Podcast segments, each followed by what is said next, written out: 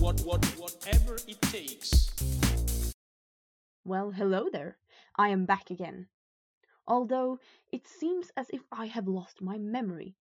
You know, when you know exactly what you're thinking about, but you do not remember what it is called. If you manage to figure out what I'm thinking of, you can get a 7 minute time deduction. Okay, here goes.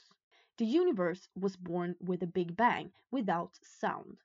Something that, however, produces very loud sounds when it explodes is a cannonball. But a much louder sound, about 75 louder if you count in the sound unit that begins with the letter D, is evoked by Jack Sparrow's friend. For the enemy of your worst enemy is your friend, right? Even though Jack Sparrow is a fictional character, the friend I am referring to is completely real. Although a pale version of the friend appears in another fictional story. Which friend am I thinking of?